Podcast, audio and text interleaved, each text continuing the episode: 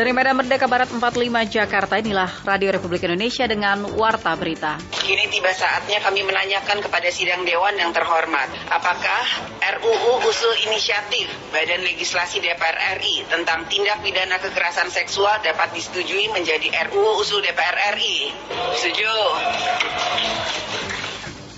Sampai saat ini secara keseluruhan kereta cepat Jakarta-Bandung telah diselesaikan 79,9 persen yang kita harapkan nantinya pada bulan Juni 2023 bisa kita operasionalkan.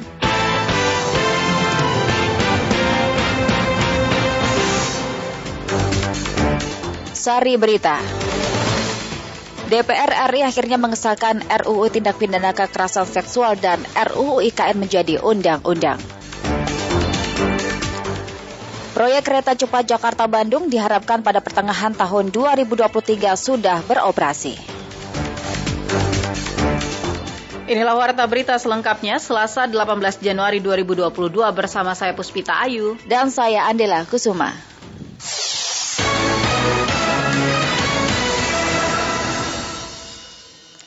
Mengawali warta berita siang ini pendengar kami hadirkan sekilas berita utama.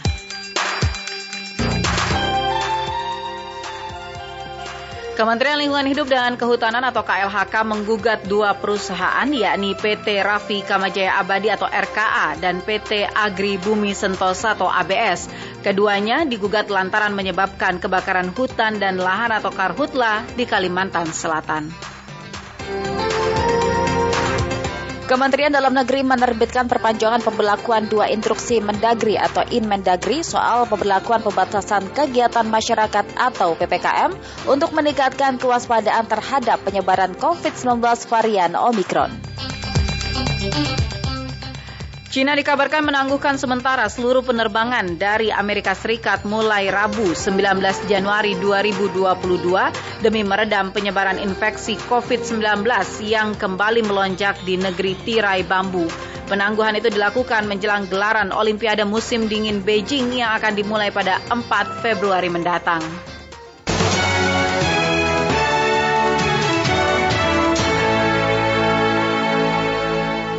Pendengar DPR RI siang ini mengambil keputusan tingkat 2 terkait pengesahan RUU Tindak Pidana Kekerasan Seksual dan pengesahan RUU Ibu Kota Negara. Ketua DPR Puan Maharani pun mengesahkan RUU TPKS menjadi undang-undang dan juga RUU Ibu Kota Negara. Rizky Supermana melaporkan selengkapnya untuk Anda. Rizky berada di Gedung Nusantara 2 DPR, tepatnya di ruang rapat paripurna DPR, di mana DPR hari ini melakukan rapat paripurna pengambilan keputusan tingkat 2 terkait dengan pengesahan dari uh, eh, RUU tindak pidana kekerasan seksual ataupun TPKS. Ketua DPR Puan Maharani tadi telah mengesahkan RUU TPKS menjadi undang-undang dengan disetujui oleh semua fraksi di mana Puan Maharani menyebut bahwa kasus kekerasan seksual khususnya kepada perempuan saat ini terus meningkat yang membutuhkan kepastian hukum dan juga perlindungan. Dan juga pernyataan uh, pengesahan dari Ketua DPR terkait dengan uh, RUU TPKS menjadi undang-undang. Legislasi DPR tentang tindak pidana kekerasan seksual dapat menjadi RUU DPR RI. Dan pendengar juga selain itu Ketua DPR Puan Maharani juga mengesahkan uh, RUU Ibu Kota Negara pun IKN ini menjadi undang-undang dengan uh, persetujuan dari anggota Dewan uh, DPR. Uh, meskipun memang demikian, jelang diketuknya palu oleh Ketua uh, DPR, uh, fraksi pakai sempat mengajukan interupsi, uh, namun tidak direspon karena dari sembilan fraksi hanya satu fraksi yaitu uh, PKS uh, yang uh, menolak terkait dengan uh, RUU IKN.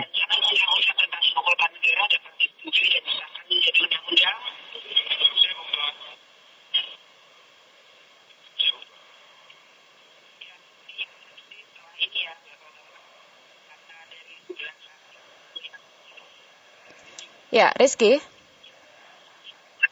Dan perkara sementara itu Ketua Pansus dari RU Ibu Kota Negara, Ahmad Doli Kurnia, ini yang juga Ketua Komisi 2 DPR ini berharap dengan telah disahkannya dari RUU Ibu Kota Negara dapat menjadi landasan hukum dan juga mempercepat terkait dengan pemindahan Ibu Kota Negara di Kalimantan Timur yang dinamakan uh, Nusantara. Terkait uh, dengan RUU TPKS ini memang sudah uh, dijanjikan oleh Ketua DPR Puan Maharani pada Selasa lalu uh, terkait dengan darurat kekerasan seksual di Indonesia, uh, terkait juga dengan pembahasan sementara untuk pembahasan RUK ini memang di tujuh hari terakhir ini dilakukan setiap hari uh, rapat pansus secara intens di mana rapat terakhir ini berlangsung pada kemarin hingga dini hari tadi yang memutuskan bahwa RUU dari ibu kota negara ini pada tingkat pertama ini layak untuk dibawa ke tingkat kedua yaitu rapat paripurna yang hari ini telah uh, berlangsung sehingga DPR pada hari ini telah mengesahkan dua RUU menjadi undang-undang yaitu uh, pengesahan undang-undang tindak pidana kekerasan seksual dan juga pengesahan undang-undang dari ibu kota negara. Dari ruang sidang paripurna Gunung Nusantara 2 DPR, Rizky Supermana Pro 3 RRI.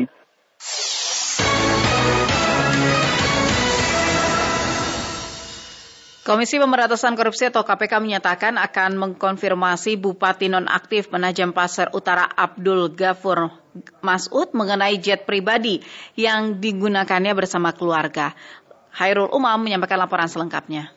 Terkait dengan video yang beredar dimaksud sejauh ini kami belum terkonfirmasi mengenai adanya video e, dimaksud. Komisi Pemberantasan Korupsi menyatakan akan mengkonfirmasi Bupati Nonaktif Penajam Pasir Utara Abdul Ghafur Masud mengenai jet pribadi yang digunakannya bersama keluarganya. Dalam video yang beredar di media sosial, Abdul Ghafur yang kini menyandang status tersangka kasus dugaan suap, proyek dan perizinan terlihat sedang duduk di kursi pesawat dengan memakai baju safari. Sesekali tampak istrinya Risna sedang menyuapi Abdul Ghafur. LT Jubir KPK Ali Fikri mengatakan bahwa KPK belum terkonfirmasi mengenai video yang beredar di media sosial tersebut. Namun KPK mengapresiasi setiap informasi sekecil apa pun dari masyarakat terkait data dan informasi yang diduga berhubungan kasus dengan dugaan suap yang menjerat Abdul Ghafur. Terkait dengan video yang beredar dimaksud, sejauh ini kami belum terkonfirmasi mengenai adanya video e, dimaksud. Namun demikian, tentu setiap informasi sekecil apa pun saya kira dari masyarakat terkait dengan data dan informasi yang diduga berhubungan dengan perkara yang sedang kami selesaikan ini, tentu kami sangat mengapresiasi sebagai bagian peran serta masyarakat di dalam upaya pemberantasan korupsi yang sedang kita lakukan bersama ini. Setiap informasi yang kami terima pasti akan dikonfirmasi dan kami dalami pada proses penyidikan yang akan kami kerjakan hingga tuntas ini. Lebih lanjut, Wakil Ketua KPK Alexander Marwata mengatakan bahwa penyidik akan mendalami setiap dugaan indikasi aliran dana yang diduga mengalir dari kasus ini. Dan betul tadi yang disampaikan di sana sedang ada pemilihan ini ya Ketua DPD Demokrat di Kalimantan Timur, salah satu calonnya adalah GM. Apakah ada dugaan aliran dana ke partai? Itu tentu nanti yang akan didalami dalam proses penyidikan. Tapi informasi sampai dengan saat ini belum kami dapatkan. Diketahui KPK telah menetapkan Bupati Kabupaten Penajam Pasir Utara Abdul Ghafur Masud bersama lima tersangka lainnya dalam kasus dugaan suap terkait dengan kegiatan pekerjaan pengadaan barang dan jasa serta perizinan di Kabupaten Penajam Pasir Utara Kalimantan Kalimantan Timur tahun 2021-2022. Dari Jakarta, Hairul Umam Pro 3 RRI melaporkan. Terdakwa kasus dugaan korupsi PT Asabri Heru Hidayat siang ini pendengar akan menjalani sidang putusan di Pengadilan Negeri Tipikor pada Pengadilan Negeri Jakarta Pusat. Heru sebelumnya dituntut mati oleh jaksa dan membayar uang pengganti 12,6 triliun rupiah. Berikut Muhammad Isnan Suhanda melaporkan langsung untuk Anda. Suhanda. Ya, pendengar tiga di mana pun Anda berada, saat ini saya berada di ruang sidang Mukhtar Kusuma Atmaja di Pengadilan Negeri Jakarta Pusat. Dan menurut rencana siang hari ini, Heru Hidayat, Presiden Direktur Prada Alamindra akan menjalani sidang hukuman ponis ataupun uh, putusan dari Majelis Hakim PN Tipikor di Jakarta Pusat ini dan Heru Hidayat rencananya akan uh, dibacakan sidang putusan kondisi ini sekitar pukul uh, eh, 13 ataupun pukul 14 waktu Indonesia Barat nan nanti. dan saat ini sedang dilakukan persiapan jaksa penuntut umum maupun uh, kuasa hukum dari Heru Hidayat telah hadir di ruang sidang Mukhtar Kusuma Atmaja. Dapat kami laporkan pula bahwa Heru Hidayat uh, difonis uh, apa dituntut hukuman mati oleh jaksa penuntut umum dari Kejaksaan Agung dikarenakan Heru Hidayat telah dua kali melakukan tindak pidana korupsi uh, mega proyek PT Asuransi Jiwasraya dan juga Asabri. Dan ini menjadi pertimbangan dari jaksa penuntut umum untuk menuntut Heru Hidayat dengan uh, tuntutan uh, mati seperti yang disampaikan oleh Jaksa Agung ST Burhanuddin bahwa tuntutan mati bagi koruptor dapat dimungkinkan karena dalam Undang-Undang Tindak Pidana Korupsi khususnya pasal 2 itu dijelaskan hukuman maksimal dari uh, tribidana korupsi adalah hukuman mati. Heru Hidayat juga sebelumnya telah menjadi terpidana dalam kasus PT Asuransi Jiwasraya yang merugikan negara sekitar 16,7 triliun rupiah dan Heru Hidayat juga dituntut untuk ataupun telah difonis oleh hakim untuk membayar uang pengganti sebesar 10,6 triliun untuk di PT Asuransi Jiwasraya dan hukuman seumur hidup. Sedangkan di kasus Asabri ini kita masih menantikan apakah Majelis Hakim akan memfonis Heru Hidayat dengan fonis mati atau sebaliknya hanya hukuman uh, pidana kurungan badan, baik itu seumur hidup maupun uh, hukuman maksimal 20 tahun penjara. Demikian yang dapat kami laporkan langsung dari Pengadilan Tipikor Jakarta, kembali ke studio. Sementara itu mendengar tim Divisi Propam Mabes Polri telah menurunkan tim penyidik untuk mengusut tuntas kasus dugaan suap yang dilakukan seorang bandar narkoba yang melibatkan oknum perwira di Polres Tabes Medan. Berikut laporan Joko Saputra. Pak Kapolri juga sudah memberikan arahan sama saya dan memberikan support Kasus dugaan keterlibatan perwira tinggi Polri di Polrestabes Kota Medan terkait dugaan kasus suap yang dilakukan seorang bandar narkoba kembali mencuat. Untuk menindaklanjuti dugaan tersebut, Kapolri Jenderal Listio Sigit Prabowo sudah menurunkan tim divisi Propam Mabes Polri untuk melakukan pengusutan kasus dugaan suap tersebut. Kapolda Sumatera Utara Irjen Pol Pancaputra Simanjuta kepada wartawan di Kota Medan Senin 17 Januari 2022 mengungkapkan bahwa tim divisi Propam Mabes Polri dan juga bidang Propam Polda Sumatera Utara sudah memintai keterangan terhadap terdakwa kasus suap narkoba Brifka Ricardo Siahaan yang saat ini berada di lapas. Pemeriksaan guna mencari kebenaran atas ucapan dan kesaksian Bribka Ricardo di Pengadilan Negeri Medan beberapa waktu lalu yang menyebut keterlibatan sejumlah oknum polisi terkait dugaan suap tersebut. Dan kita sudah mendengar keterangan dia yang ada di lapas saat itu. Apa yang diketahui, apa yang didengar. Dan dari situ kita tim bekerja dan alhamdulillah Mabes Polri juga sudah turun bersama-sama dengan kita gabung teman-teman sekalian untuk melakukan pemeriksaan. Percayalah, yang salah akan kita proses. Kalau itu terbukti. Kalau benar, kita harus sampaikan. Gitu. Yang pertanyaan saya adalah kenapa kemarin dalam pemeriksaan tidak disampaikan, tapi dalam sidang. Tapi at least itu tidak ada masalah bagi saya. Yang jelas harus saya buktikan. Lebih lanjut, Panca menegaskan pihak Polri tidak segan-segan melakukan tindak tegas terhadap oknum polisi yang terlibat dalam kasus ini, termasuk dugaan suap yang melibatkan Kapolrestabes Kota Medan, Kombes Pol Riko Sunarko. Panca mengungkapkan dirinya sudah mendapatkan arahan dan dukungan dari Kapolri untuk mengusut tuntas kasus dugaan suap yang melibatkan pejabat tinggi di Polrestabes Medan. Bukan tidak mungkin jika Kapolrestabes Kota Medan nantinya juga turut diperiksa untuk memastikan kebenaran dari pengakuan Bribda Riko di persidangan. Pak Kapolri juga sudah memberikan arahan sama saya dan memberikan support bahwa sekali lagi presisi Bapak Kapolri adalah menjaga integritas dan menjaga nama baik organisasi Polri. Polri tidak akan segan-segan untuk melakukan penindakan terhadap setiap anggota yang terbukti melakukan pelanggaran hukum. Percayakan itu tim masih bekerja teman-teman saat ini dan nanti akan dipaparkan hasilnya kepada saya. Sebelumnya Kapolrestabes Kota Medan Kombes Pol Riko Sunarko membantah keras dirinya turut menerima suap dalam kasus tersebut. Riko bahkan menegaskan awalnya tidak mengetahui kasus narkoba yang ditangani oleh Satres Narkoba. Gimana saya mau bagi-bagi uangnya, kasus saya tidak dilaporkan ke saya. Kalau di situ kan disebutkan saya perintahkan untuk dibagi-bagi kan. Kalau masalah motor, ini kita saya pesan sendiri dan udah dibayar lunas, tidak ada masalah. Dan harganya bukan 75 juta, 10 juta lebih aja itu. Motor BV itu manual. Sebelumnya dalam persidangan yang digelar di Pengadilan Negeri Medan pada Rabu 12 Januari lalu, Rifka Ricardo menyebut bahwa Kapolrestabes Kota Medan Kombes Pol Riko Sunarko turut menerima suap dengan memberikan perintah untuk menggunakan uang tersebut senilai 75 juta untuk membeli sepeda motor sebagai hadiah kepada oknum TNI yang berhasil menggagalkan penyeludupan ganja. Diduga uang itu disebut menjadi bagian dari uang suap senilai 300 juta rupiah yang berasal dari istri salah satu terduga bandar narkoba berinisial JS yang ditangkap lepas oleh polisi.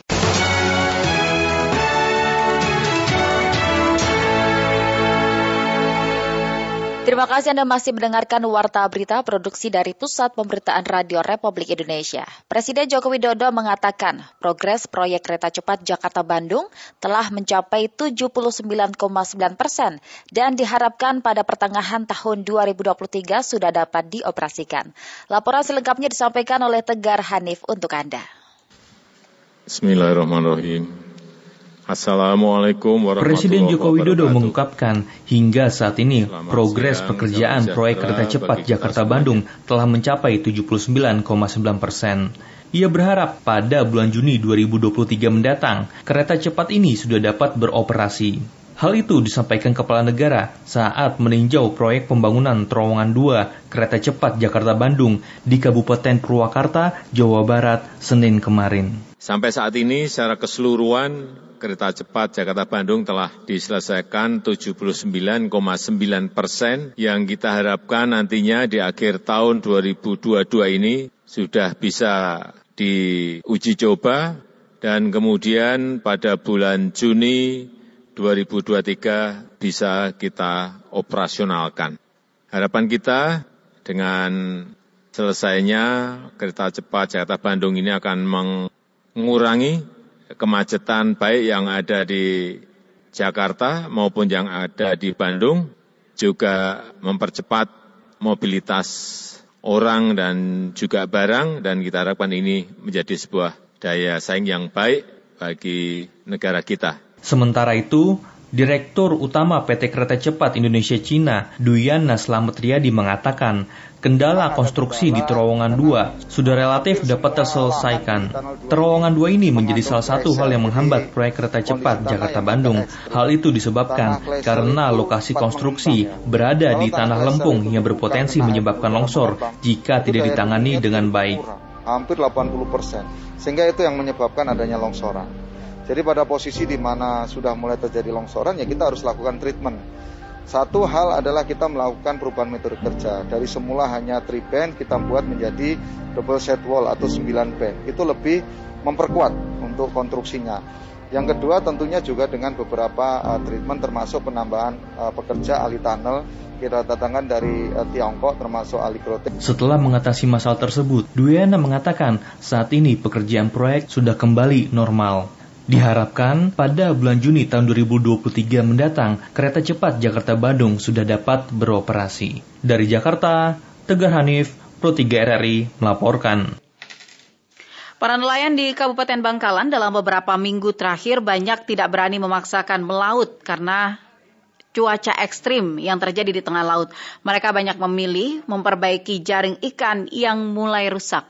Miftahul Umar melaporkan. Yang berangkat berlayar itu para nelayan dari 100%, cuman yang berani itu 10. Akibat cuaca tidak bersahabat di tengah laut yang terjadi beberapa minggu terakhir, para nelayan di wilayah Kabupaten Bangkalan banyak tidak berani memaksakan melaut demi keselamatan jiwa. Salah seorang nelayan asal desa Banyosangka, Kecamatan Tanjung Bumi, Kabupaten Bangkalan, Kabil mengatakan dirinya bersama nelayan yang lain sejak terjadinya cuaca ekstrim di tengah laut, yaitu ombak besar disertai angin kencang tidak berani memaksakan berangkat untuk mencari ikan. Namun ada sebagian nelayan yang memberanikan diri karena terbentur dengan kebutuhan hidup keluarga. Menurut Kabil, jika dipresentasekan hanya ada 10% para nelayan yang berani memaksakan melaut dan hasil tangkapan ikannya sangat minim. Dalam masa cuaca ekstrim, warga nelayan menghabiskan waktunya untuk memperbaiki jaring dan sebagian memperbaiki perahunya. Cuacanya ini sudah hampir dua minggu berturut-turut. Nah kalau memaksa untuk bernelayan, ya hasilnya itu ya sedikit Ya begitulah di daerah desa Banyu Sangka. Selalu menjaga-jaga di pesisir pantai. Terpisah Kepala Badan Penanggulangan Bencana Daerah Kabupaten Bangkalan Rizal Moris mengatakan, dalam kondisi cuaca ekstrim yang terjadi di tengah laut, para nelayan dihimbau tidak memaksakan melaut karena potensi gelombang di perairan Bangkalan Madura akhir-akhir ini dalam kondisi tidak bersahabat uh, himbauan saya ya jangan dipaksakan melaut karena cuaca masih ekstrim, masih tinggi. Memang sekarang potensinya masih untuk bangkalan, untuk kecepatan angin yang mungkin masih di atas rata-rata. Nanti kita coba update lagi yang di, di BMKG. Rizal menjelaskan potensi untuk wilayah Bangkalan dalam kondisi cuaca ekstrim, hujan ringan disertai petir, dan kecepatan angin di atas rata-rata, dan gelombang laut bisa mencapai 3 meter lebih.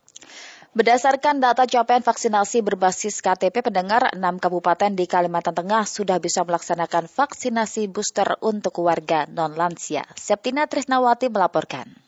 Kalau kemarin itu kan vaksinasi 1-2 karena wajib siapa pun datang dikasih. Tapi sekarang karena tidak wajib, maka hanya yang dapat tiket yang akan kita berikan vaksinasi booster. Sebanyak 6 kabupaten dari total 14 kabupaten kota di Kalimantan Tengah telah memenuhi syarat untuk pelaksanaan vaksinasi booster bagi warga non-lansia. Kepala Dinas Kesehatan Provinsi Kalimantan Tengah, Suyuti Samsul, mengatakan Kementerian Kesehatan melakukan migrasi data capaian vaksinasi dari fasilitas kesehatan pelaksana menjadi berbasis KTP. Sesuai data tersebut, 6 kabupaten di Kalteng yang dapat melaksanakan vaksinasi booster bagi warga non-lansia, yakni Kabupaten Barito Selatan, Barito Timur, Kapuas, Pulang Pisau, Kota Waringin Barat, dan Sukamara. Palangkaraya sendiri itu belum bisa karena setelah dilakukan migrasi data oleh Kementerian Kesehatan berbasis KTP, Palangkaraya itu turun pencapaiannya. Yang sebelumnya 106 persen berdasarkan Paskes, Paskes pelaksana, fasilitas kesehatan pelaksana setelah berbasis KTP itu turun hanya di sekitar 70-an persen. Menurut Suyuti, kabupaten kota yang belum mencapai target 70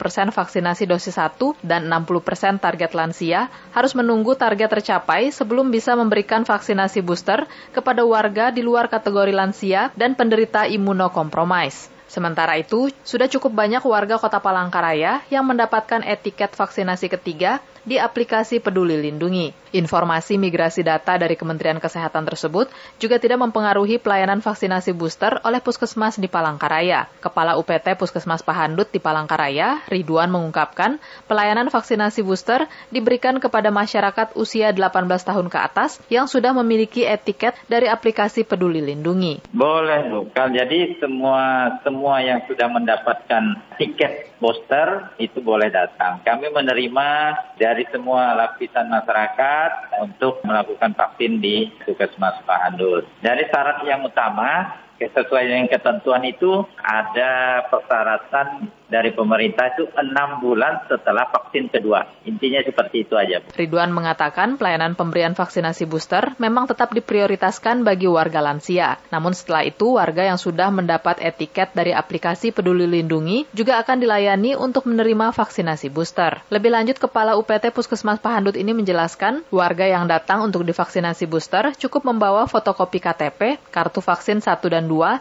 dan menunjukkan tiket vaksin ketiga dari aplikasi Peduli Lindungi serta mengisi formulir yang disediakan petugas. Pelayanan vaksinasi booster di Puskesmas Pahandut Palangkaraya mulai dilaksanakan pada Senin kemarin. Jenis vaksin yang digunakan untuk vaksinasi booster sesuai stok yang diberikan Dinas Kesehatan Kota Palangkaraya, yakni jenis Pfizer. Septina Trisnawati melaporkan.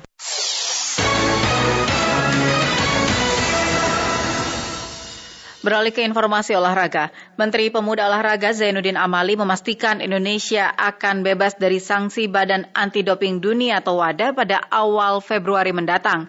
Kepastian itu didapatkan usai gugus tugas percepatan penyelesaian sanksi WADA melaporkan surat resmi yang diterima dari WADA. Laporan Niar Abdul Tiloli. Bahwa WADA sudah sangat puas dengan apa yang kita lakukan dan kita Allah akan di Menteri Pemuda dan Olahraga Zainuddin Amali memastikan Indonesia akan segera bebas dari sanksi Badan Anti Doping Dunia WADA pada Februari mendatang. Kepastian ini didapatkan usai gugus tugas percepatan penyelesaian sanksi WADA melaporkan perkembangan yang dilalui. Menpora juga mengapresiasi kinerja gugus tugas yang dapat memenuhi persyaratan WADA dalam waktu empat bulan, sehingga Indonesia tidak perlu menunggu hingga satu tahun untuk terbebas dari sanksi. Februari, insya Allah dari konfirmasi yang dilaporkan oleh ketua tim Satgas tadi, bendera sudah bisa berkibar. Jadi kalau itu memang benar-benar jadi kenyataan awal Februari berarti ini lebih cepat dari yang harusnya kan di dalam surat itu ya Oktober 2022 kan gitu ya, satu tahun kan kita. Tapi luar biasa sekaligus ini saya atas nama pemerintah menyampaikan terima kasih kepada tim pada Pak Okto khususnya, pada teman-teman Ladi dan itu pada semua pihak yang mempercepat. Sementara itu Ketua Gugus Tugas Percepatan Sanksi WADA, Raja Sabta Oktohari menjelaskan, pembebasan Indonesia dari sanksi WADA dipastikan setelah menerima surat resmi dari Direktur Jenderal WADA, Olivier Nigli, pada Kamis lalu. Selain memenuhi persyaratan yang ditetapkan, menurut Raja Sabta Oktohari, WADA juga mengapresiasi kinerja Satgas. Per hari Kamis kemarin, kami menerima informasi dari langsung dari Olivier Nigli, itu Direktur Jenderal WADA melalui WA, dan setelah itu dilanjutkan dengan surat resmi yang dikirimkan oleh WADA per hari Jumat yang menyatakan bahwa isu-isu terkait dengan sanksi yang diberikan kepada Indonesia sepertinya uh, semuanya sangat positif, progresif, dan mereka bahkan memberikan apresiasi terhadap kinerja semua tim yang terlibat dalam melakukan uh, penyesuaian compliance terhadap WADA. Dan uh, mereka menyatakan bahwa per awal Februari itu sanksi ini akan dicabut. Indonesia diketahui menerima sanksi WADA sejak Oktober 2021. Di mana akibat dari sanksi ini, Indonesia tidak bisa mengibarkan bendera merah putih di sejumlah event olahraga internasional. Beberapa di antaranya saat Indonesia memenangkan Piala Thomas di Denmark Oktober lalu setelah 19 tahun menanti. Hal serupa juga terjadi ketika Indonesia tidak bisa mengibarkan bendera saat perhelatan Piala AFF 2020 yang berlangsung di Singapura pada 5 Desember 2021 hingga 1 Januari 2022, di mana skuad Garuda mampu mencapai final. Dari Jakarta, Nyerap Dulu Teloli, Pro 3 RRI.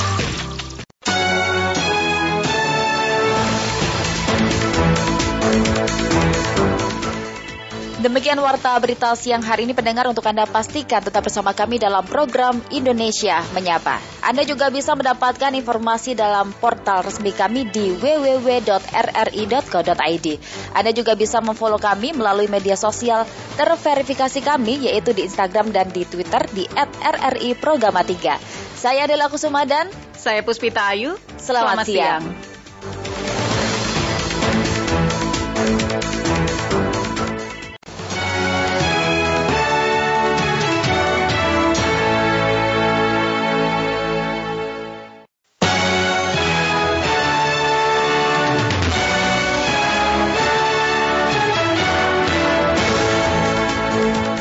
Dari Medan Merdeka Barat 45 Jakarta, inilah Radio Republik Indonesia dengan Warta Berita. Jadi sejak kita deteksi pada tanggal 15 Desember sampai 17 Januari, saat ini sudah ada 840 kasus positif Omikron pemerintahan daerah khusus ibu kota yang selanjutnya disebut otorita. Secara kelembagaan bertanggung jawab langsung presiden.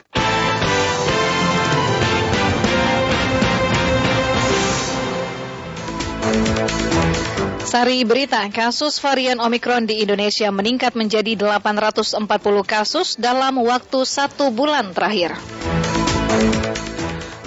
Konsep otorita akan diterapkan pada ibu kota negara baru secara konstitusional.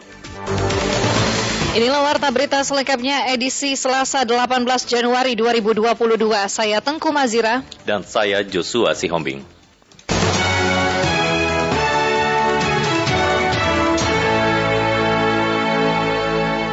Mengawali warta berita untuk malam hari ini kami hadirkan sekilas berita utama.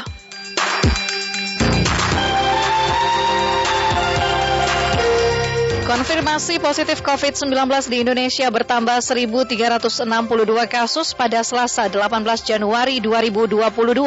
Tambahan kasus positif hari ini menjadi yang tertinggi sejak Oktober 2021. Saat itu, kasus positif COVID-19 harian tembus mencapai 1.624 kasus pada 1 Oktober 2021.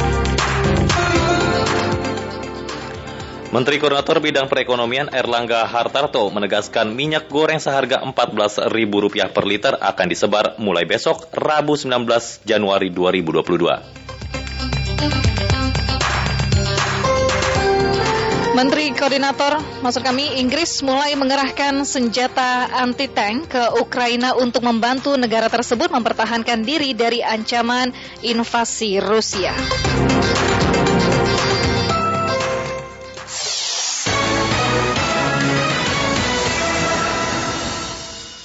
Kementerian Kesehatan mengumumkan kasus varian Omikron di Indonesia meningkat menjadi 840 kasus dalam waktu satu bulan terakhir. Direktur Pencegahan dan Pengendalian Penyakit Menular Langsung atau P2PML Kemenkes Siti Nadia Tarmizi merinci dari 4, dari 840 kasus Omikron tersebut, 609 merupakan kasus dari pelaku perjalanan luar negeri atau PPLN. Laporan selengkapnya disampaikan Pradipta Rahardi kita harus menyampaikan ke masyarakat. Penyebar luasan COVID-19 varian Omikron di Indonesia terus mendapat perhatian pemerintah. Kementerian Kesehatan mengumumkan kasus varian Omikron di Indonesia meningkat menjadi 840 kasus dalam waktu satu bulan terakhir. Direktur Pencegahan dan Pengendalian Penyakit Menular Langsung atau P2PML Kementerian Kesehatan Siti Nadia Tarmizi dalam webinar pada hari ini merinci dari 840 kasus Omikron tersebut sebanyak 609 kasus merupakan dari pelaku perjalanan luar negeri PPLN. Jadi sejak kita deteksi pada tanggal 15 Desember sampai 17 Januari saat ini sudah ada 840 kasus positif Omikron ya. Kalau kita lihat e, jumlah yang probable itu masih sekitar 1.800 sampai 2.000 kasus ya. Di mana kalau yang transmisi lokal itu sudah kita identifikasi ada 174 kasus dan transmisi yang dari pelaku perjalanan luar negeri seiring dengan makin bertambahnya pelaku perjalanan luar negeri maka tentunya makin uh, ada penambahan dari jumlah varian Omikron yang uh, dari pelaku perjalanan luar negeri. Siti Nadia yang juga adalah juru bicara vaksinasi COVID-19 mengatakan vaksinasi COVID-19 dosis ketiga atau booster tidak perlu diragukan karena terbukti aman dan tidak berbahaya karena akan memberi perlindungan lebih untuk tubuh dalam menangkal berbagai jenis virus. Nah, oleh karena itu tujuan kita melakukan vaksinasi booster adalah meningkatkan efektivitas vaksin yang mungkin telah menurun. Sementara itu Ketua Umum Asosiasi Pengelola Pasar Indonesia, Joko Setianto mengatakan ribuan pedagang pasar sangat antusias untuk mendapatkan vaksin booster khususnya setelah mereka mendapatkan vaksin primer yaitu vaksin dosis pertama dan kedua. Setiap uh, kios itu kan ada yang punya, ada yang jaga, ada pengelolanya, ada juru parkirnya, ada orang yang bersih-bersih. Jadi itu yang uh, sangat besar untuk di pasar-pasar. Jadi kalau untuk di kota-kota besar dapat katakan sudah mencapai semua untuk vaksinasi. Tapi bagaimanapun anggota kita kan pasarnya aja 9.280 ya. Itu belum yang di pasar-pasar di perbatasan sangat besar. Sebelumnya Ketua Komisi A DPRD DKI Jakarta Mujiono telah mendesak Gubernur DKI Jakarta Anies Baswedan untuk meniadakan sementara pembatasan kendaraan dengan sistem ganjil genap. Permohonan ini diajukan agar masyarakat dapat kembali menggunakan kendaraan pribadinya seiring dengan varian Omikron di Jakarta yang terus merebak. Politikus Partai Demokrat itu menerangkan kasus COVID-19 varian Omikron di Jakarta terus meningkat dengan banyak kasus merupakan transmisi lokal. Meningkatnya kasus Omikron berdampak pada kenaikan keterisian tempat tidur rumah sakit rujukan COVID-19. Dari Jakarta, Pradipta Rahadi, Pro 3, RRI. Sementara itu Presiden Jokowi mengimbau masyarakat untuk mengurangi kegiatan di pusat keramaian dan jika memungkinkan untuk bekerja dari rumah atau work from home. Himbauan ini disampaikan Kepala Negara untuk mengurangi resiko penularan COVID-19 varian Omikron di Indonesia yang cepat menular di antara masyarakat. Dalam keterangan pers yang disampaikan Presiden di Istana Bogor pada hari ini, Presiden Jokowi menjelaskan masyarakat juga harus tetap waspada namun tidak panik berlebihan. Jika Bapak, Ibu, dan saudara-saudara sekalian tidak memiliki keperluan mendesak, sebaiknya mengurangi kegiatan di pusat-pusat keramaian. Dan untuk mereka yang bisa bekerja dari rumah, work from home, lakukanlah kerja dari rumah. Dan saya juga meminta untuk tidak bepergian ke luar negeri jika tidak ada urusan yang penting dan mendesak. Bapak, Ibu, dan saudara-saudara sekalian, saya tidak akan pernah bosan untuk terus mengingatkan selalu gunakan masker, menjaga jarak, dan jangan lupa mencuci tangan. Intinya, ikuti protokol kesehatan dengan disiplin. Kementerian Kesehatan atau Kemenkes mencatat total virus corona varian Omikron di Indonesia mencapai 840 kasus hingga 17 Januari 2022. Direktur Pencegahan dan Pengendalian Penyakit Menular Langsung Kementerian Kesehatan Siti Nadia Tarmizi mengatakan jumlah yang dilaporkan pada Senin 17 Januari 2022 meningkat 268 dibandingkan yang tercatat pada Rabu 12 Januari 2022 yakni 572. Menurutnya dari jumlah 840 kasus Omikron yang telah tercatat sebanyak 174 kasus merupakan transmisi lokal.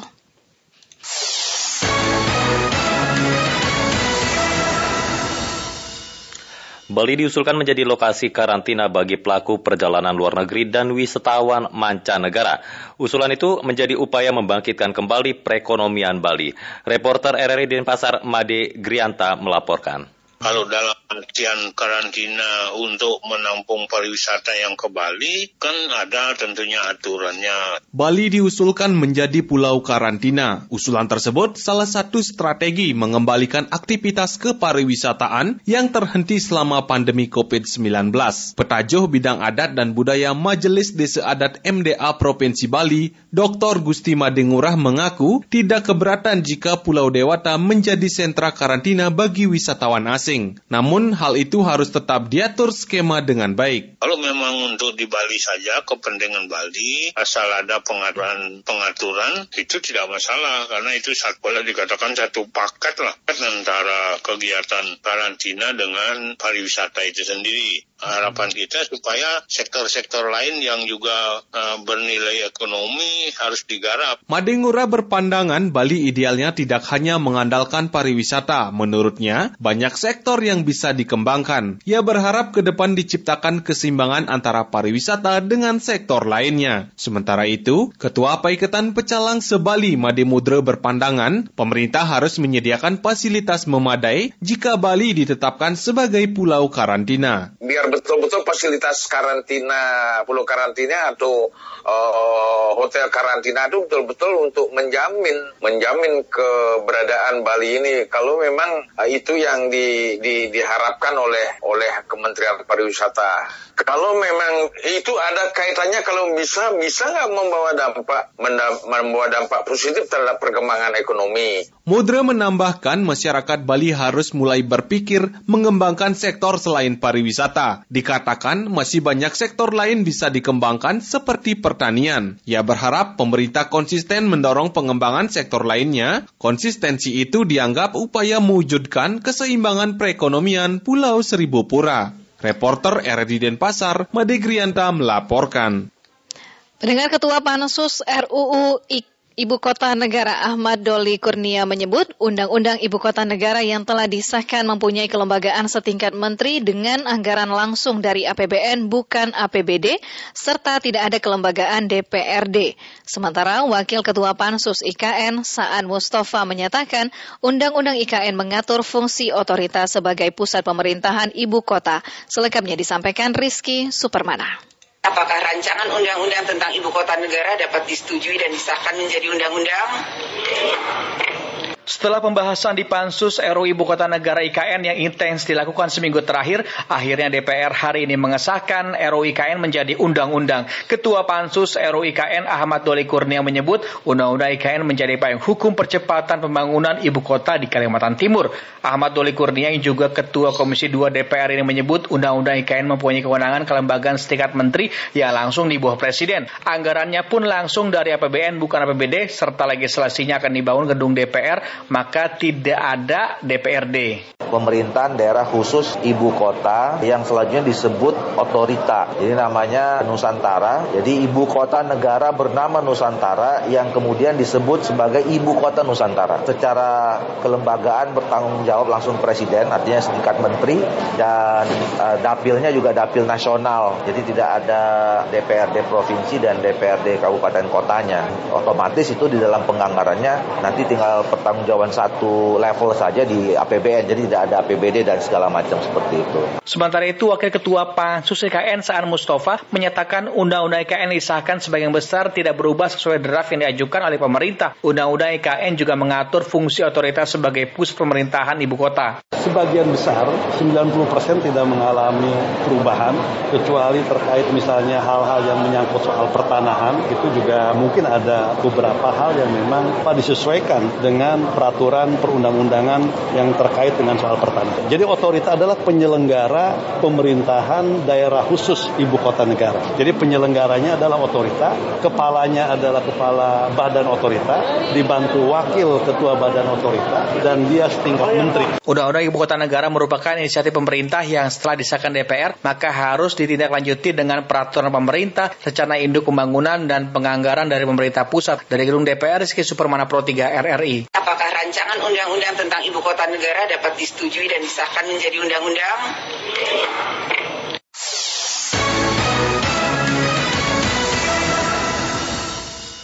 Terima kasih Anda masih mendengarkan Warta Berita Produksi Radio Republik Indonesia.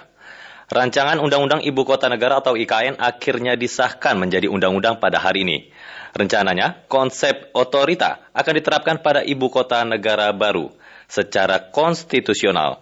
Pakar Hukum Tata Negara Universitas Andalas Ferry Amsari mengungkapkan sah-sah saja jika nantinya IKN membentuk otorita namun ada sejumlah konsekuensi yang perlu diketahui. Informasi tersebut akan kami hadirkan dalam sesi laporan khusus bersama Fitra Maria. Laporan khusus. Laporan khusus. Laporan khusus. Kita berusaha agar kota itu benar-benar dibangun dengan memperhitungkan Rancangan Undang-Undang Ibu Kota Negara resmi disahkan menjadi undang-undang hari ini, Selasa 18 Januari 2022, dalam rapat paripurna DPR RI. Menteri Perencanaan Pembangunan Nasional, Kepala Bapenas, Suharso Monoarfa menyebut pemerintah pusat menyerahkan kewenangan pengaturan Nusantara kepada pemerintah daerah khusus ibu kota atau DKI. Untuk itu, pemerintah menyiapkan Badan Otorita Ibu Kota Negara atau Otorita IKN. Pemerintahan ibu kota negara disepakati dalam bentuk pemerintahan daerah khusus, yaitu pemerintahan daerah yang memiliki kekhususan dan berada setingkat provinsi yang wilayahnya menjadi tempat kedudukan ibu kota negara Republik Indonesia dan hal ini sejalan dan sesuai dengan ketentuan pasal 18 dan pasal 18B ayat 1 Undang-Undang Dasar Negara Republik Indonesia tahun 1945 terkait dengan pemerintahan daerah dan kekhususan yang dapat diberikan kepadanya. Sebutan otorita ibu kota negara diberikan dalam rangka menjawab tantangan kelembagaan di era digital saat ini, sehingga memudahkan pelaksanaan semua urusan yang diemban oleh otorita ibu kota negara. Nantinya otorita IKN akan memiliki beberapa kekhususan dalam rangka pelaksanaan di ibu kota baru, antara lain melaksanakan daerah khusus sebagai pengguna anggaran, pengguna barang, tingkat kementerian, dan bentuk-bentuk kewenangan khusus dalam rangka pemerintahan daerah khusus ibu kota negara. Suharso mengatakan itu semua akan diatur lebih lanjut lewat peraturan pemerintah maupun peraturan presiden. Sementara itu, pakar hukum tata negara Universitas Andalas Ferry Amsari mengatakan apa pun pilihan konsep ibu kota negara akan ada konsekuensinya seperti tidak adanya pilkada dalam pemerintahan tersebut. Hmm. Konsep otorita lembaga independen itu tentu saja diperbolehkan karena di konstitusi kan tidak disebutkan bahwa ibu kota negara itu tetap uh, bagian dari daerah atau tidak. Bisa jadi khusus kan. Dan tapi ada konsekuensinya kalau dia badan otorita, maka di daerah ibu kota itu tidak ada eh, apa warga negara yang tinggal, sehingga wajar kalau tidak ada pemilu, tidak ada pemilihan kepala daerah. Dengan adanya Undang-Undang IKN ini, ibu kota Indonesia akan dipindah dari DKI Jakarta ke Kalimantan Timur. Lantas bagaimana tanggapan masyarakat mengenai hal ini? Ada pendapat Pak? Oh saya setuju, setuju aja. Sebab Jakarta sudah sumpek. Hmm. Iya. Baik, baik. Ya, baik. Terima kasih. Ya. Dan uh, bagus uh, apa namanya lokasi istana itu uh, di tempat yang view-nya yang bagus. Ya. Oke, terima kasih. Kalau Anda bagaimana? Waalaikumsalam warahmatullahi wabarakatuh. Tanggapannya positif, Pak. Mudah-mudahan sukses. Hmm, amin, Dan amin. Mudah-mudahan apa? Kota Nusantara baru bisa lebih bagus. Begitu. Mantap. Penyanyi Singapura, ya. Baik. Selamat ya atas apa namanya ibu kota baru Nusantara. Mm-hmm. Ya, semoga pembangunan adik tim ini yang carut marut lingkungannya ya uh, bisa segera diatasi dengan uh, kepindahan Menteri Lingkungan Hidup, Menteri SDM ya ke ibu kota negara untuk membenahi pembangunan. Diketahui dalam bab 1 ketentuan umum pasal 1 ayat 8, draft RUU IKN dijelaskan keberadaan lembaga pemerintah setingkat kementerian diberi nama otorita IKN. Selanjutnya di ayat 9, otorita IKN disebut sebagai lembaga pemerintah setingkat kementerian yang dibentuk untuk melaksanakan persiapan, pembangunan, dan pemindahan ibu kota negara, serta penyelenggaraan pemerintahan khusus IKN. Sementara itu dalam pasal 1 ayat 10 dijelaskan mengenai kepala otorita IKN yang berkedudukan setingkat menteri. Pemerintahan khusus IKN akan dipimpin oleh kepala otorita IKN dan didampingi oleh seorang wakil. Kedua jabatan itu ditunjuk, diangkat, dan diberhentikan langsung oleh presiden tanpa berkonsultasi lagi dengan DPR RI. Dari Jakarta, Fitra Maria Pro 3, RRI. Laporan khusus. Laporan khusus.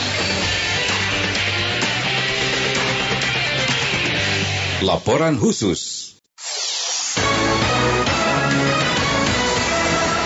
Kita menuju ke informasi lainnya pendengar Dewan Pengawas Komisi Pemberantasan Korupsi atau KPK memastikan pencarian buronan Harun Masiku masih berlangsung hingga saat ini. Hairul Uma melaporkan selengkapnya untuk Anda. Untuk yang pertama tadi audit ya, audit kenapa Harun Masiku belum bisa ditangkap-tangkap, jadi diminta Dewan Pengawas melakukan audit untuk itu. Dewan Pengawas Komisi Pemberantasan Korupsi memastikan bahwa pencarian buronan Harun Masiku masih berlangsung hingga saat ini. Ketua Dewan Pengawas KPK, Tumpak Hatorangan Pangabean, mengatakan bahwa sejumlah lokasi sudah digeledah KPK untuk mencari keberadaan Harun Masiku. Tumpak juga mengatakan bahwa KPK selalu melaporkan pergerakan pencarian Harun ke Dewan Pengawas. Dewas juga rutin menanyakan progres pencarian Harun dalam beberapa pertemuan dengan para komisioner KPK. Saya pikir bukan untuk melakukan audit. Saya sendiri belum pernah terima surat dari ICW, tapi kalaupun diminta, itu sudah kami lakukan juga di dalam pertemuan-pertemuan dalam rapat koordinasi pengawasan. Itu sering kita tanyakan. Memang benar bahwa KPK telah melakukan penggeledahan di beberapa titik-titik dalam rangka mencari Harun Masiku. Itu kami bisa tahu dari waktu kami memberikan izin, izin penggeledahan. Dari situ kami melihat bahwa KPK ya serius untuk melakukan pencarian itu. Lebih lanjut, PLT Jubir KPK Ali Fikri menegaskan bahwa KPK sudah bekerja sama dengan pihak Interpol untuk mencari keberadaan DPO Harun Masiku. KPK hingga saat ini masih terus berupaya menemukan DPO atas nama Harun Masiku dimaksud, baik itu pencarian di dalam negeri maupun kerjasama melalui NCB Interpol. Namun demikian, kami tentu tidak bisa menyampaikan kepada masyarakat mengenai tempat dan waktu pencarian yang bersangkutan karena itu mengenai teknis di lapangan yang tidak bisa kami publikasikan. Ketua Dewan Pengawas KPK Tumpak membantah dugaan KPK tidak serius menangani pencarian Harun Masiku. Menurutnya KPK sampai saat ini masih memaksimalkan kinerjanya untuk mencari Harun Masiku dan mempertanggungjawabkan perbuatannya. Tumpak juga menilai permintaan Indonesia Corruption Watch terkait audit kinerja pimpinan KPK dalam pencarian Harun Masiku tidak perlu dilakukan. Pasalnya, progres pencarian Harun Masiku masih dilaporkan sampai sampai saat ini. Dari Jakarta, Hairul Umam Pro 3 RRI melaporkan. Menteri Perdagangan Muhammad Lutfi sudah menerbitkan surat izin impor untuk sejumlah komoditas pangan untuk memastikan ketersediaan pangan dan terjaganya stabilitas harga. Komoditas yang izin impornya sudah diterbitkan antara lain gula, daging sapi, dan bawang putih. Informasi selengkapnya disampaikan Magdalena Krisnawati. Impor-impor tentunya untuk bahan-bahan makanan Kenaikan harga sejumlah barang kebutuhan pokok masih mewarnai awal tahun ini. Untuk mengantisipasi gejolak harga yang mungkin terjadi, Kementerian Perdagangan sudah menerbitkan izin impor untuk komoditas gula pasir dan daging sapi. Menteri Perdagangan Muhammad Lutfi menyampaikan hal tersebut dalam media briefing hari ini. Mendak tidak menyebutkan berapa besaran impornya, namun ia memastikan izin impor yang diterbitkannya untuk kedua komoditas pangan tersebut dalam jumlah yang cukup. Kedua komoditas itu, kata Menteri Perdagangan, sudah akan masuk ke pelabuhan Indonesia pada pekan ini. Misalnya seperti gula, impor izinnya sudah saya keluarkan, itu akan menjadi cukup, lebih dari cukup untuk memastikan bahwa kalau terjadi kenaikan harga, kita mempunyai stok yang cukup buat kepentingan nasional. Ya, yang kedua, begitu juga dengan sapi, saya tidak bisa menyebutkan jumlahnya karena ini di international market harganya lagi tight. Tetapi saya bisa pastikan bahwa semua izinnya sudah keluar, sudah apa namanya sudah di market dan mereka sudah siap untuk uh, masuk bahkan uh, beberapa uh, barang yang sudah dikeluarkan izinnya akan sampai di pelabuhan Indonesia minggu depan atau uh, minggu terakhir daripada bulan Januari. Selain untuk gula pasir dan daging sapi, Menteri Perdagangan juga sudah merencanakan impor bawang putih sebanyak 500 ribu ton sesuai kebutuhan dalam negeri. Selama ini 95 persen pasukan bawang putih memang masih dari impor. Tahun lalu Kementerian Pertanian mengeluarkan izin impor 864 ribu, yang kita keluarkan di Kementerian Perdagangan hanya 600 ribu, realisasinya tidak lebih dari 475 ribu. Jadi biasanya memang kita mengimpor untuk uh, bawang putih sekitar 500 ribu dan ini uh, sesuai dengan apa yang sudah kita jalankan dari tahun per tahunnya. Upaya menjaga pasokan dan menjaga stabilitas harga menjadi penting untuk mengendalikan laju inflasi mengingat inflasi barang pangan bergejolak atau volatile food memberikan kontribusi yang cukup besar sekira 16 persen dari laju inflasi di Indonesia. Guru Besar Fakultas Ekonomi dan Bisnis Universitas Indonesia Muhammad Ihsan mengingatkan, laju inflasi dari kelompok barang pangan bergejolak masih akan berlanjut di triwulan pertama tahun ini. Selain karena faktor harga komoditas di pasar global, juga faktor cuaca yang dapat mempengaruhi ketersediaan pasokan. Nah, untuk itu perlu disiapkan mitigasi, stok harus naik, mungkin ya kita harus mendorong menaikkan, membuka keran impor pada triwulan satu supaya uh, apa volatile food ini bisa dijaga. Muhammad Ihsan juga menekankan pentingnya pemerintah menjaga sisi produksi dan rantai pasok untuk menjaga stabilitas harga pangan. Magdalena Krisnawati, Pro 3 RRI.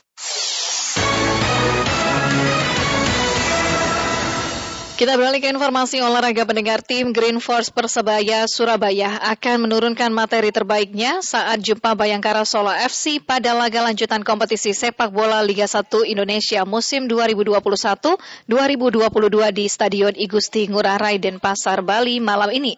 Agustin Irdiani melaporkan selengkapnya. Persebaya dipastikan turun full tim saat menghadapi Bayangkara FC malam nanti. Pelatih Persebaya Aji Santoso mengatakan dalam official training semua pemain termasuk pemain asing ikut ambil bagian. Hal ini membuat pelatih Persebaya Aji Santoso bersemangat sebab dengan kondisi pemain yang komplit, misi membalas kekalahan di putaran pertama diharapkan dapat terrealisasi. Persiapan kami tadi melakukan official training selama satu jam dan saya ingin menyampaikan mulai awal kompetisi sampai hari ini baru pertama kali kami latihan dengan pemain yang full komplit. Pemain asing semua sudah ada, pemain nasional juga sudah hadir. Jadi baru kali ini pertama kali kami melakukan persiapan menghadapi uh, kompetisi BRI berhadapan dengan Bayangkara ini baru kali ini kami komplit alhamdulillah dan semua pemain dalam kondisi yang siap main. Jadi persiapan kami sudah cukup. Mudah-mudahan kami bisa tampil bagus dan kami bisa memenangkan pertandingan. Sementara gelandang muda Marcelino Ferdinand mengatakan komplitnya pemain pemain tidak banyak mengubah suasana dalam tim sebab sejak lama chemistry antar pemain sudah tercipta dengan baik. Pasti chemistry-nya pasti udah memang udah bagus, memang udah nyatu dan emang kita udah semua pemain tampil siap. Meski kondisi pemain baik dan sudah komplit, Aji Santoso enggan menyampaikan siapa saja pemain yang bakal menjadi starter, termasuk ketika ditanya apakah Ali Sesa yang baru bergabung juga akan diturunkan. Aji beralasan hal itu menjadi strategi tim. Mantan pelatih timnas tersebut memastikan sudah menyusun sejumlah rencana saat menghadapi The Guardian julukan Bayangkara FC. Agustin Irdiani melaporkan.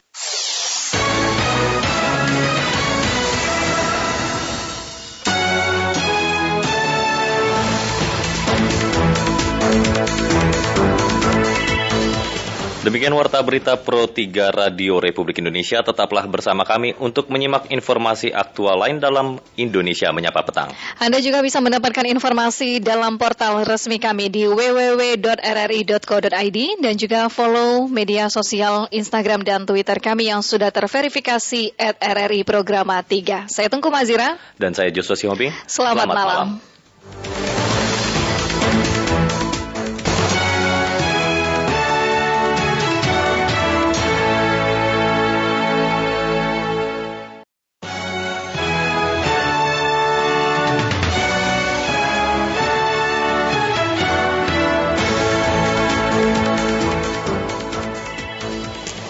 Selamat pagi pendengar dari lantai 7 Medan Merdeka Barat 45 Jakarta. Inilah Radio Republik Indonesia dengan Warta Berita Pagi.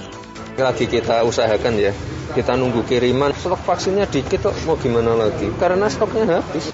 Uh, jalan uh, sebuntal, patah itu Bruno kan dikukar. Hmm. Patah. Akibat apa? Akibat dilalui oleh angkutan batu bara. Dan saya pastikan angkutan batu bara tersebut adalah ilegal. Ini harus segera ditindak. Kalau tidak, apa yang dirugikan masyarakat?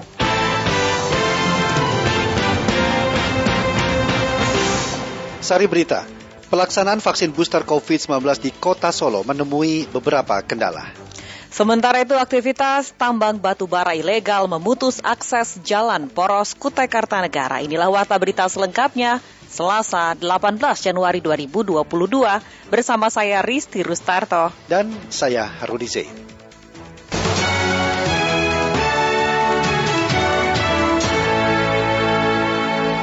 Mengawali warta berita pagi ini kami sampaikan sekilas berita utama.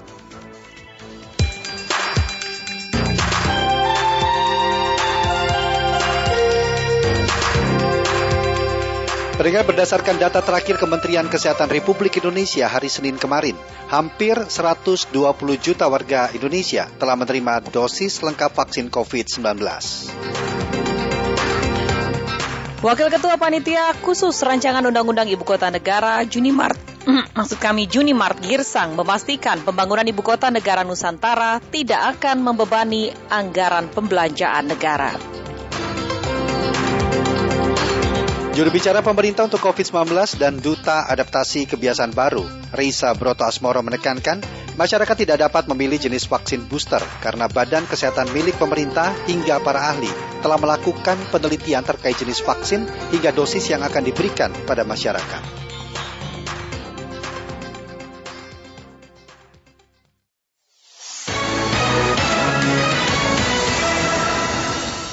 Terbatasnya tenaga kesehatan dan stok vaksin yang belum memadai menjadi beberapa kendala dalam pelaksanaan program vaksin booster COVID-19 di kota Solo. Mulato Isan melaporkan.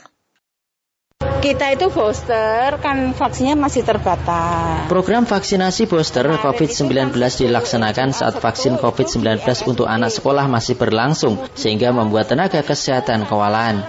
Selain itu, Pemkot Surakarta sampai saat ini masih mengalami kendala stok vaksin yang belum memadai. Hal itu disampaikan Kepala Dinas Kesehatan DKK Surakarta Dr. Siti Wahyuningsih seusai rapat evaluasi PPKM di Balai Kota. Oleh karenanya, Pemkot Surakarta kini memprioritaskan vaksinasi anak karena berstatus primer.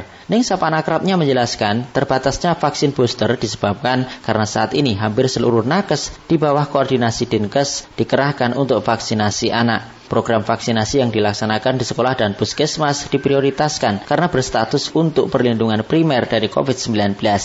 Ia menargetkan vaksin anak sekolah rampung paling lambat akhir Februari 2022. Dengan tuntasnya vaksin anak, Denkes kemudian bisa mengalokasikan nakes sepenuhnya untuk vaksinasi booster nggak ada yang kosong. Sekolah nggak mungkin saya tinggal karena sudah saya share jadwalnya. Nanti kalau ditinggalkan kayak wong mangan diceh-ceh, ya ta? Anak sekolah ini juga penting, booster juga penting. Anak sekolah ini kan justru vaksin primer, justru harus menjadi yang utama. Booster tetap kita mainkan. Dr. Ning menambahkan keterbatasan stok vaksin juga menjadi kendala pelaksanaan vaksin booster di Kota Bengawan. Saat kick off vaksin booster di RSUD Fatmawati Solo, Jumat 14 Januari lalu. Dinkes hanya memiliki 200 dosis yang digunakan untuk 400 orang. Wali Kota Solo Gibran Raka Buming Raka mengatakan telah mengupayakan pengadaan vaksin booster dengan meminjam vaksin dari daerah lain maupun meminta kiriman dari pemerintah Provinsi Jawa Tengah dan pemerintah pusat. Ini lagi kita usahakan ya. Kita nunggu kiriman atau pinjaman dari bupati dan wali kota. Ya Artinya nanti kan tunggu ya. Nah ini memang habis, mas, eh? iya lah memang stok vaksinnya dikit kok. Mau gimana lagi? Kita pengennya cepet nah?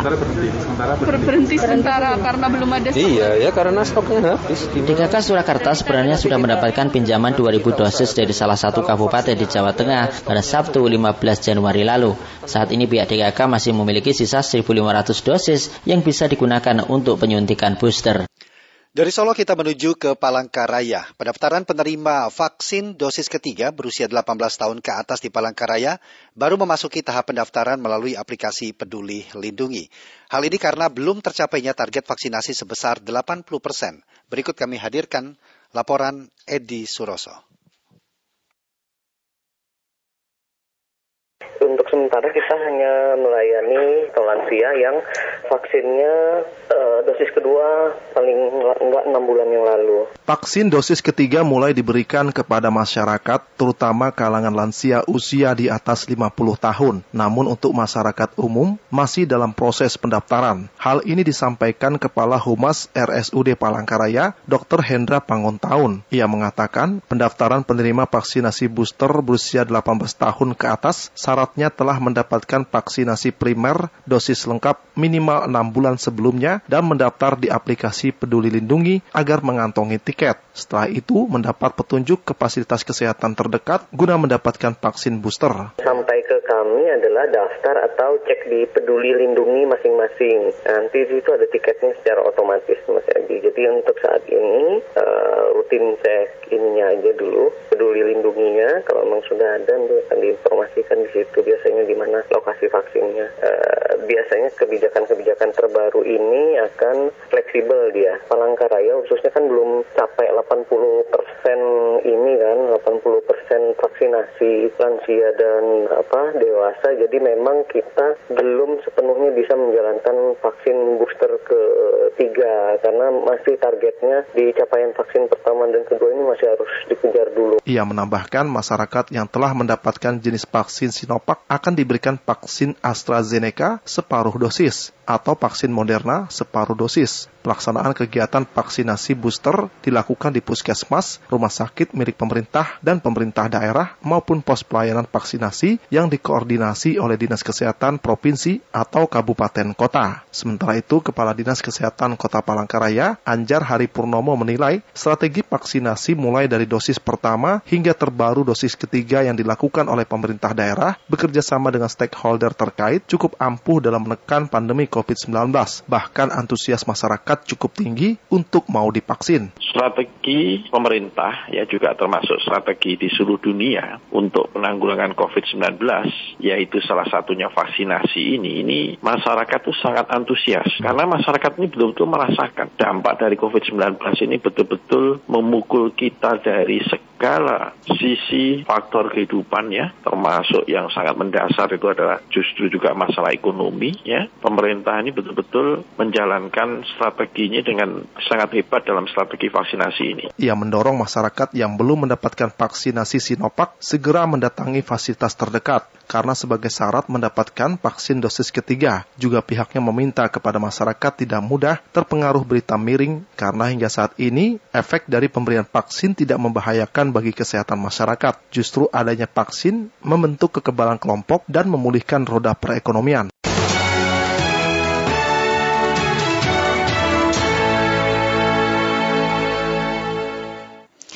Kita beralih ke informasi dari Kutai Kartanegara. Wakil Ketua DPRD Kalimantan Timur Muhammad Samsun menyebutkan aktivitas tambang batubara ilegal menyebabkan terputusnya akses jalan poros Marangkayu menuju Muara Badak di Kabupaten Kutai Kartanegara.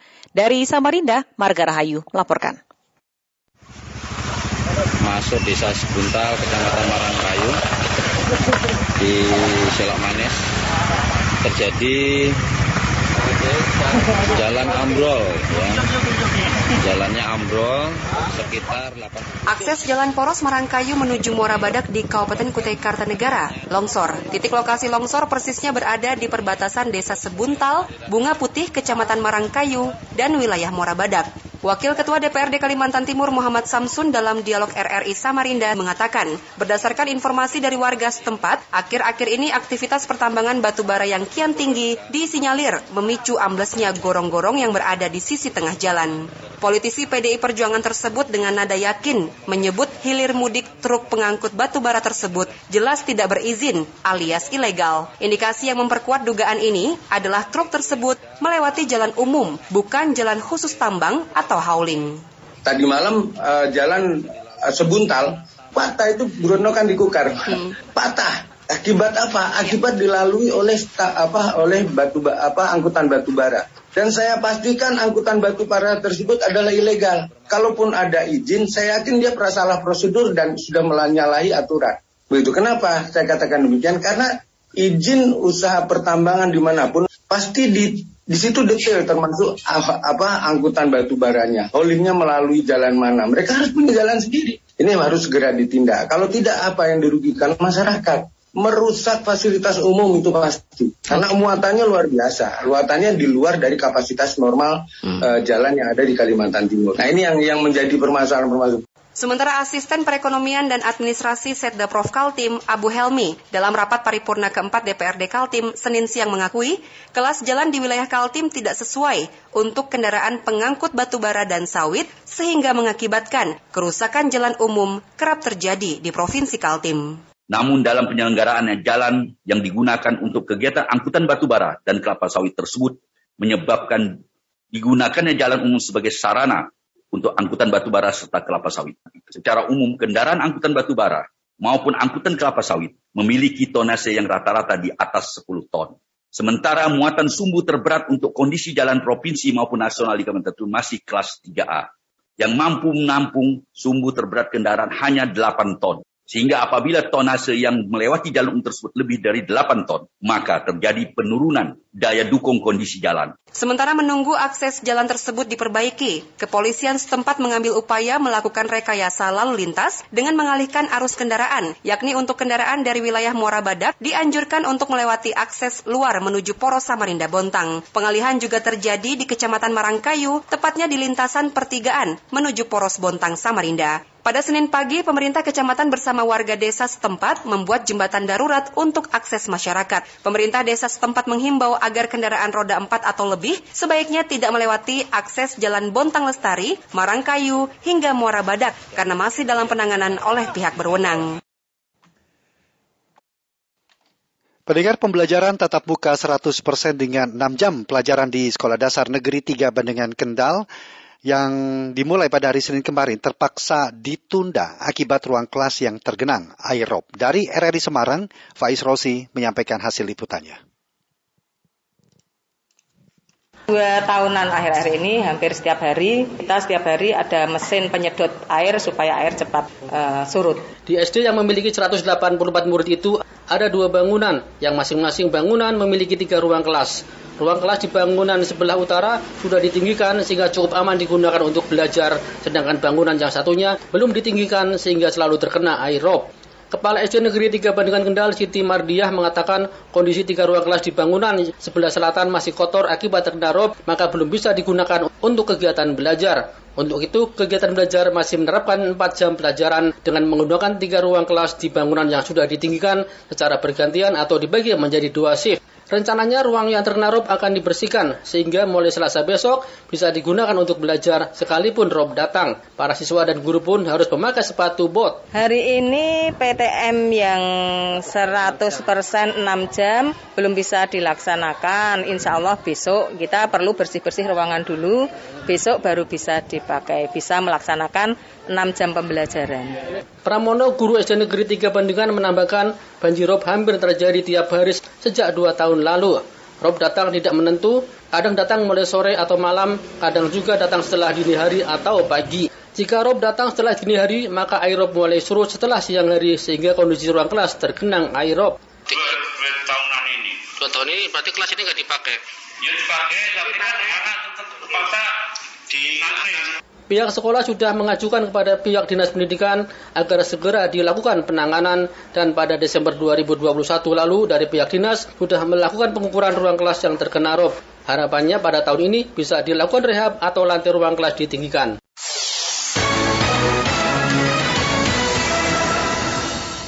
Terima kasih Anda masih bersama kami mendengarkan Warta Berita Produksi Radio Republik Indonesia. Selesai pada Selasa pagi atau Selasa dini hari rapat kerja panitia khusus rancangan Undang-Undang Ibu Kota Negara Pansus RUU IKN bersama pemerintah pada tingkat satu disetujui oleh mayoritas fraksi. Kami hadirkan bersama Niar Abdul Teloli dalam sesi Laporan Khusus Pro 3. Laporan khusus. Laporan khusus. Laporan khusus. Maka rapat kerja panitia khusus rancangan undang-undang ibu kota negara saya nyatakan ditutup. Panitia khusus rancangan Undang-Undang Ibu Kota Negara telah merampungkan rapat tingkat satu pada Selasa dini hari tadi, di mana hasil rapat ini ditandai dengan persetujuan mayoritas fraksi pada Pansus RUU IKN yang dipimpin oleh Ahmad Doli Kurnia. Bapak Ibu pimpinan seluruh anggota Pansus, Bapak Menteri yang mewakili pemerintah, setelah kita bersama-sama mendengarkan seluruh pandangan dan pendapat dari masing-masing fraksi, kemudian dari DPD RI dan dari pemerintah, tentu ada yang mayoritas menyetujui, maka saya ingin meminta persetujuan kepada kita semua, apakah rancangan undang-undang ini rancangan undang-undang tentang ibu kota negara yang sudah kita bahas dapat kita setujui dan kemudian kita proses lebih lanjut sesuai dengan peraturan DPR RI untuk dilanjutkan pada tahap pemilihan tingkat 2. Apakah kita bisa setujui? Alhamdulillahirrahmanirrahim. Melalui rapat ini juga disetujui bahwa nama ibu kota negara yang baru adalah Nusantara. Menteri Perencanaan Pembangunan Nasional sekaligus Kepala Badan Perencanaan Pembangunan Nasional Suharso Manuarfa yang mewakili pemerintah dalam rapat ini menjelaskan nama Nusantara mempresentasikan Indonesia seutuhnya sebagai sebuah negara kepulauan yang kaya baik dari sisi geografis maupun sisi budaya. Nusantara dideskripsikan sebagai konseptualisasi atas wilayah geografi Indonesia dengan konstituenta pulau-pulau yang disatukan oleh lautan. Terbersit di dalamnya pengakuan kemajemukan geografis yang disertai kemajemukan budaya. Maka Nusantara adalah sebuah konsep kesatuan yang mengakomodasi kekayaan kemajemukan Indonesia. Dengan nama Nusantara, Ibu Kota Negara Kesatuan Republik Indonesia merepresentasikan realitas tersebut. Realitas kekayaan kemajemukan Indonesia itu menjadi modal sosial untuk memajukan kesejahteraan rakyat yang berkeadilan menuju masa depan Indonesia maju, tangguh, dan berkelanjutan. Meski mayoritas fraksi menyetujui, namun PKS menunjukkan sikap berbeda dengan menolak draft RUU IKN dibawa ke rapat paripurna. Suryadi Jayakusuma yang mewakili PKS menyebutkan sejumlah pertimbangan PKS, salah satunya terkait anggaran negara yang menurutnya akan sangat terbebani dengan proses pemindahan ibu kota negara yang dilakukan di masa pandemi COVID-19 yang masih berlangsung. Namun demikian pada akhirnya dengan segala pertimbangan di atas, fraksi PKS harus mengambil sikap terhadap rancangan Undang-Undang Ibu Kota Negara. Dengan berbagai pertimbangan tersebut di atas, dan masih banyaknya substansi dan pandangan praksi PKS yang belum diakomodir dalam rancangan Undang-Undang IKN tersebut, maka praksi Partai Keadilan Sejahtera DPR RI dengan mengucapkan Bismillahirrahmanirrahim menyatakan menolak rancangan undang-undang tentang ibu kota negara untuk dilanjutkan ke tahap berikutnya. Demikian pandangan praksi Partai Keadilan Sejahtera terhadap rancangan undang-undang tentang ibu kota negara. Selain nama ibu kota, dibahas juga beberapa hal seperti status tanah, pemerintahan daerah setempat hingga pembiayaan ibu kota negara. Dijadwalkan hasil rapat Pansus RUU IKN akan dibahas pada rapat paripurna DPR hari ini. Dari Jakarta, Nier Abdul Pro 3 RRI. Dan pendengar, saat ini Pansus DPR Rancangan Undang-Undang Ibu Kota Negara atau RUU IKN telah menyelesaikan rapat di tingkat 1 dan selanjutnya akan dibawa ke rapat paripurna DPR. Kerja cepat DPR ini pun menuai respon baik dari masyarakat. Berikut kami hadirkan beberapa tanggapan masyarakat terkait rancangan Undang-Undang IKN yang dibahas oleh DPR. Nama saya Rijal dari Senen, Jakarta Pusat. Kalau menurut saya sih bagus ya kalau memang kerja DPR cepat. Toh ini kan uh, terkait pembangunan ibu kota negara yang baru. Kalau sudah ada payung hukum, pembangunan bisa segera dimulai. Nama saya Ciko, asal Bekasi. Payung hukum bagi pembangunan ibu kota negara yang baru memang harus segera diselesaikan demi kelancaran pembangunan. Jika pembangunan bisa dipercepat, tentu akan membawa harapan baru bagi masyarakat Indonesia terkait kemajuan Indonesia di masa mendatang. Saya Jerry Menteng, Jakarta Pusat. Wah, kalau payung hukumnya sudah rampung untuk ibu kota negara, ya bagus. Ya saya masyarakat ikut senang karena apa yang memang direncanakan bisa segera terwujud untuk memiliki ibu kota negara yang lebih bagus lagi dari Jakarta mungkin ya.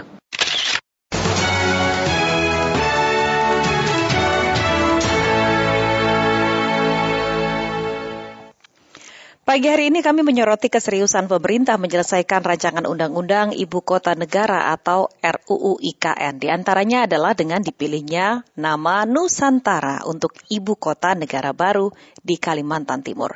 Selengkapnya disampaikan oleh Rani Indira dalam komentar pagi hari ini.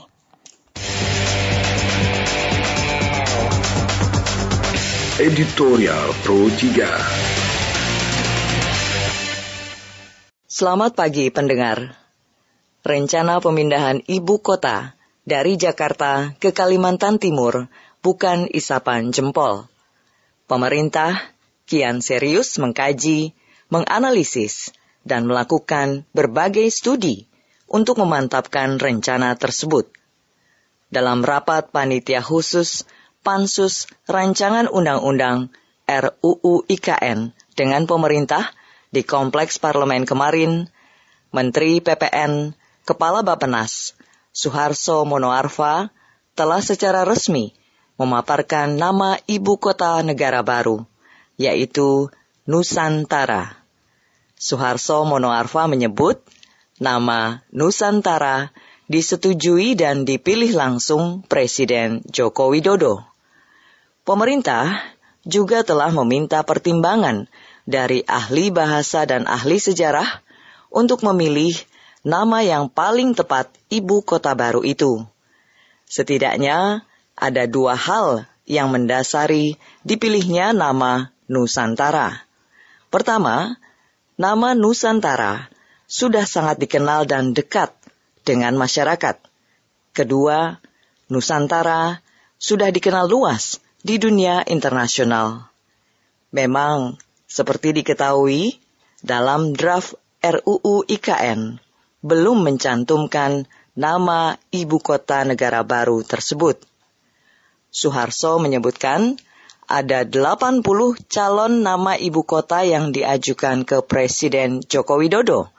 Antara lain, Negara Jaya, Nusantara Jaya, Nusa Karya, Partiwipura, dan Cakra Walapura. Namun, akhirnya yang dipilih adalah Nusantara. Regulasi terkait ibu kota baru ditargetkan selesai pada bulan ini. Pemerintah juga mulai memetakan sejumlah kementerian dan lembaga yang akan pertama kali berkantor di Kalimantan Timur itu. Ibu kota baru itu didesain untuk menampung 1,5 juta penduduk yang berada di atas lahan seluas 40 ribu hektar. Konsep otorita rencananya menjadi konsep pemerintah daerah khusus yang akan diterapkan di ibu kota negara baru. Otorita itu adalah pemerintahan daerah khusus ibu kota negara setingkat provinsi. Dengan konsep tersebut, IKN bakal dipimpin oleh kepala otorita yang berkedudukan setingkat menteri yang dipilih dan diberhentikan langsung oleh Presiden dengan masa jabatan lima tahun. Namun demikian, kita masih menunggu ketok palu melalui rapat paripurna terkait pengesahan RUU IKN tersebut. Tentu, kita berharap pembangunan ibu kota negara baru tidak hanya sekedar memindahkan ibu kota pemerintahan dari Jakarta ke Kalimantan Timur. Namun, ada harapan baru bahwa keberadaan IKN Nusantara ini mampu mengangkat laju ekonomi dan pembangunan Indonesia, khususnya di Kalimantan Timur. Sekian komentar. Selamat pagi.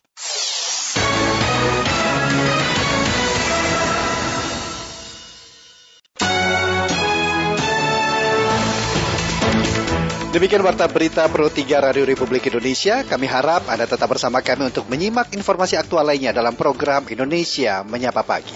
Dapatkan juga informasi aktual dalam portal resmi kami www.rri.co.id dan ikuti media sosial terverifikasi yaitu Instagram dan Twitter di RRI Programa 3. Saya Risti Rustarto. Saya Rudi Zain. Selamat, Selamat pagi. pagi.